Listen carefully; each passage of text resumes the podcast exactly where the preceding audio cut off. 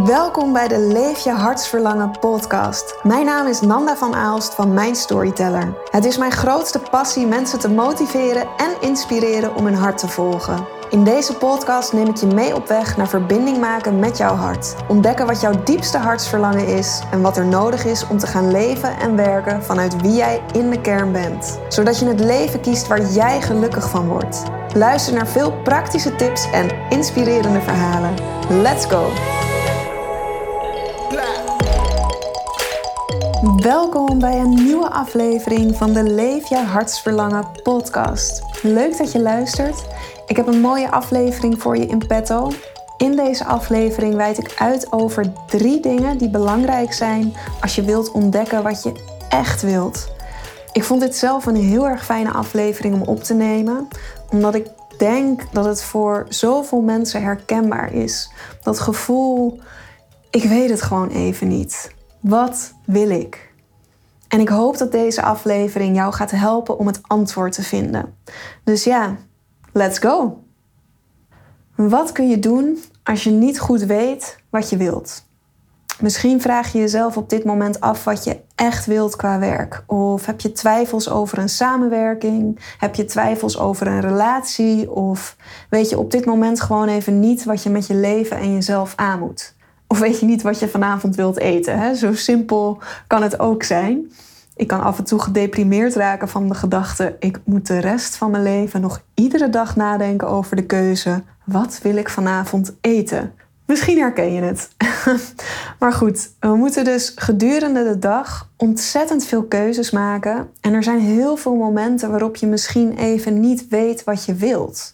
De keuzevrijheid die wij nu in 2020 hebben vergeleken met zo'n 50 jaar of misschien zelfs 30 jaar geleden is gigantisch. Ik ben zelf 31. Ik weet niet of jouw ouders nog leven, maar vraag het ook eens aan je ouders. De wereld ligt tegenwoordig letterlijk aan onze voeten vergeleken met vroeger.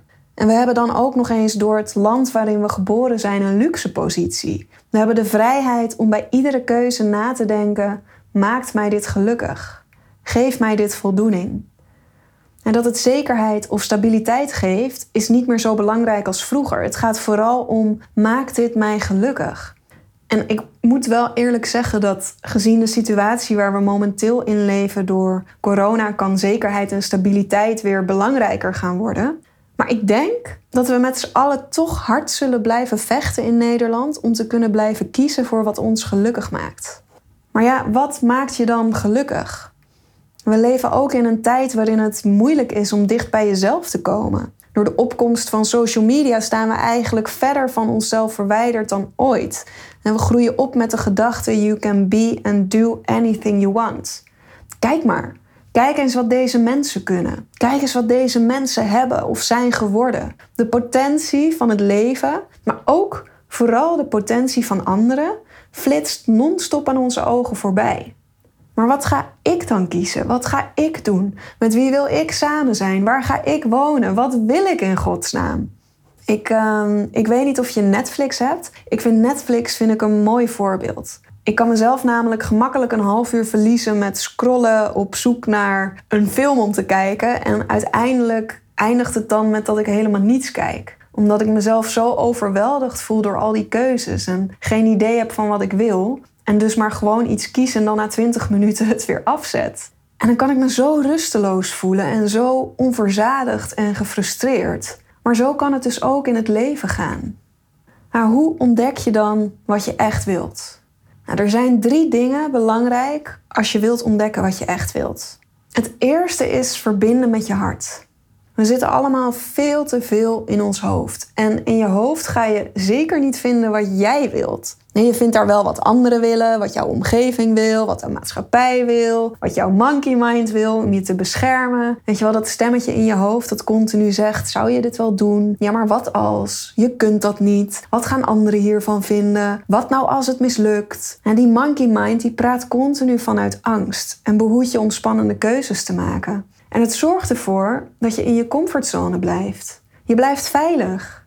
Maar het leven of de keuze waar jij super blij van wordt, vind je vaak niet in de veilige comfortzone. Je vindt wat je echt wilt in je hart. En je hart spreekt nooit vanuit angst. Je hart heeft een heel puur gevoel. En je hoofd gooit er vervolgens een angstsausje overheen, waardoor je in de war raakt en denkt: Ah, ik weet niet wat ik wil. Wat wil ik nou? En daarom is het zo belangrijk om te verbinden met je hart. En je kan dat doen door iedere ochtend even stil te staan bij: hoe voel ik me vandaag? Wat heb ik nodig? Waar heb ik behoefte aan?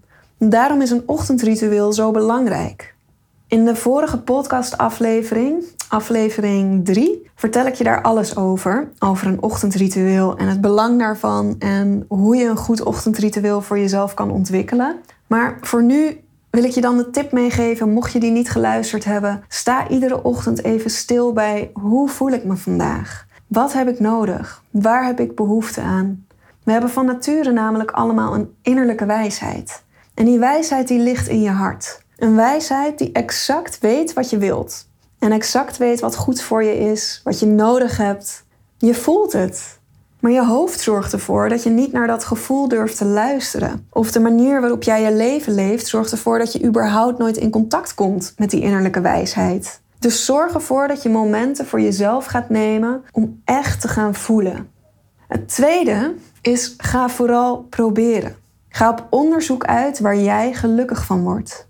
Op de een of andere manier hangt er een negatief beeld rondom verschillende dingen proberen. Want dan weet je niet wat je wilt. En niet weten wat je wilt, nou, dat betekent dat je niet succesvol bent in het leven. En we moeten toch zeker wel succesvol zijn. Dus daarom maken we een keuze en zetten we onszelf vaak vast in die keuze.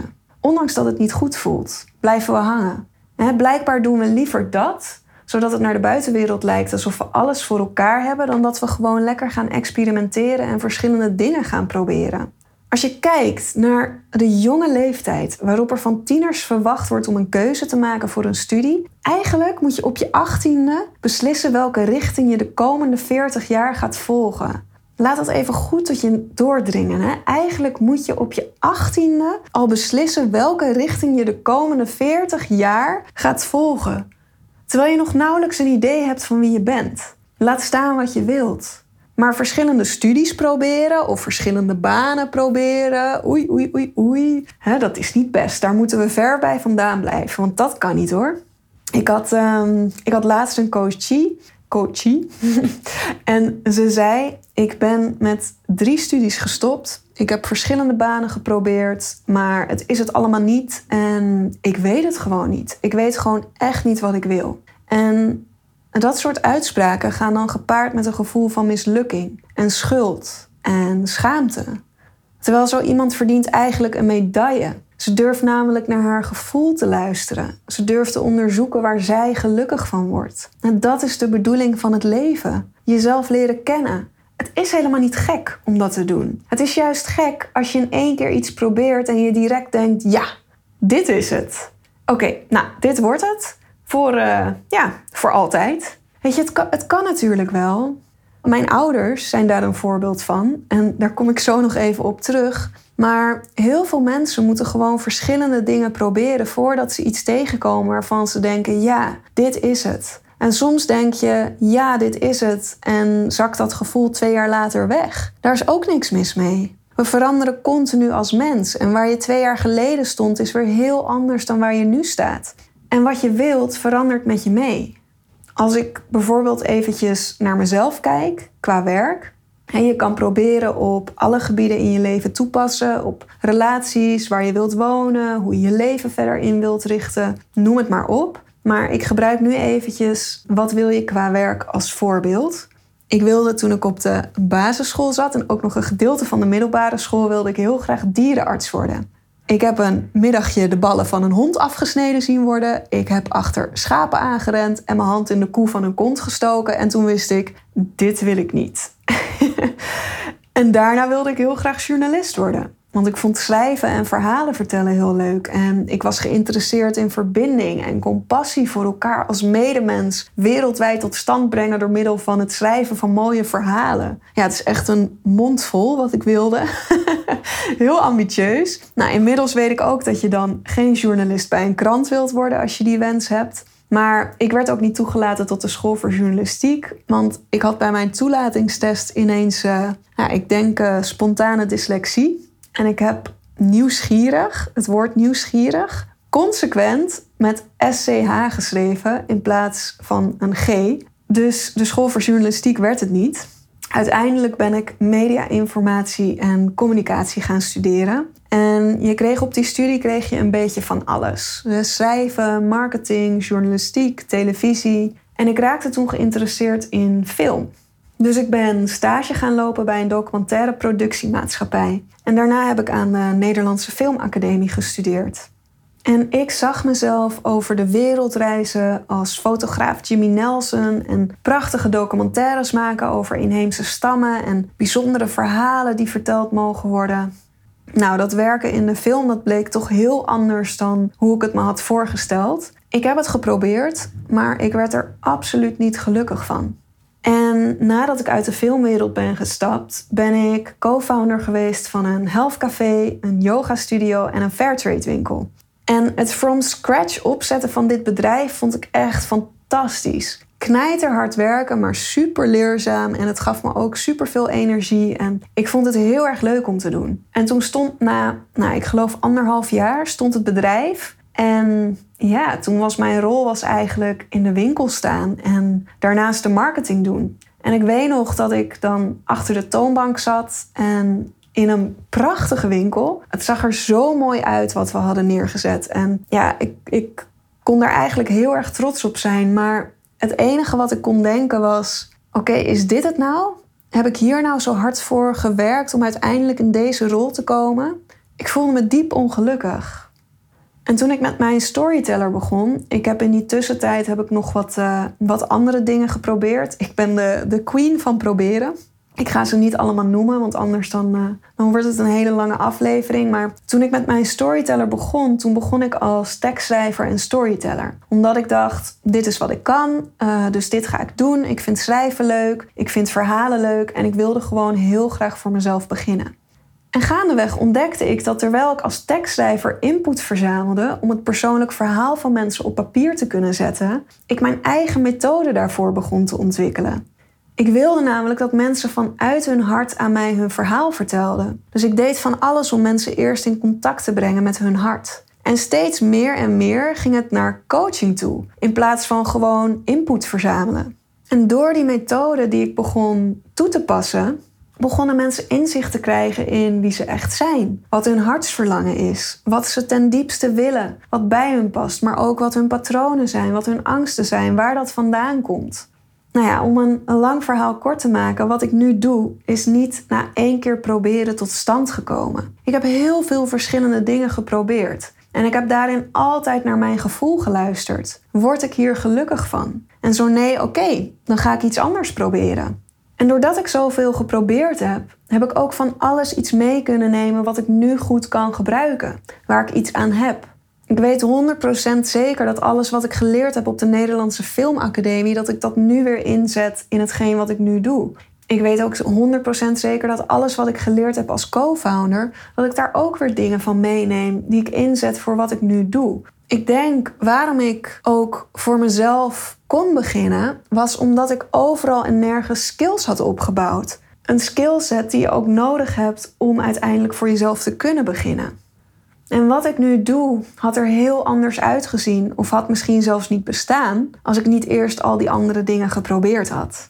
En ik heb mij ook geschaamd. Ik heb me ook schuldig gevoeld. Een mislukking. Ik kom van ouders die wel op hun achttiende exact wisten wat ze wilden. En dat ook een hele leven met plezier hebben gedaan. Mijn vader heeft zijn hele leven bij de KLM gewerkt. En die is nog steeds gigantisch fan van vliegtuigen en techniek. En mijn moeder is haar hele leven lerares geweest. En houdt nog steeds gigantisch veel van kinderen en ja, met kinderen werken. Dus voor hun was het dus ook heel erg zorgwekkend dat ze een dochter kregen die eigenlijk niet wist wat ze wilde en continu veranderde. Want dat was voor hun heel erg onbekend. We hebben daar echt wel menig discussie over gehad. En zo heb ik het zelf dus ook lang gezien. Mislukte pogingen om te vinden wat ik wil. Terwijl er is niets mislukts aan. Je leert altijd iets. Je bent aan het proberen.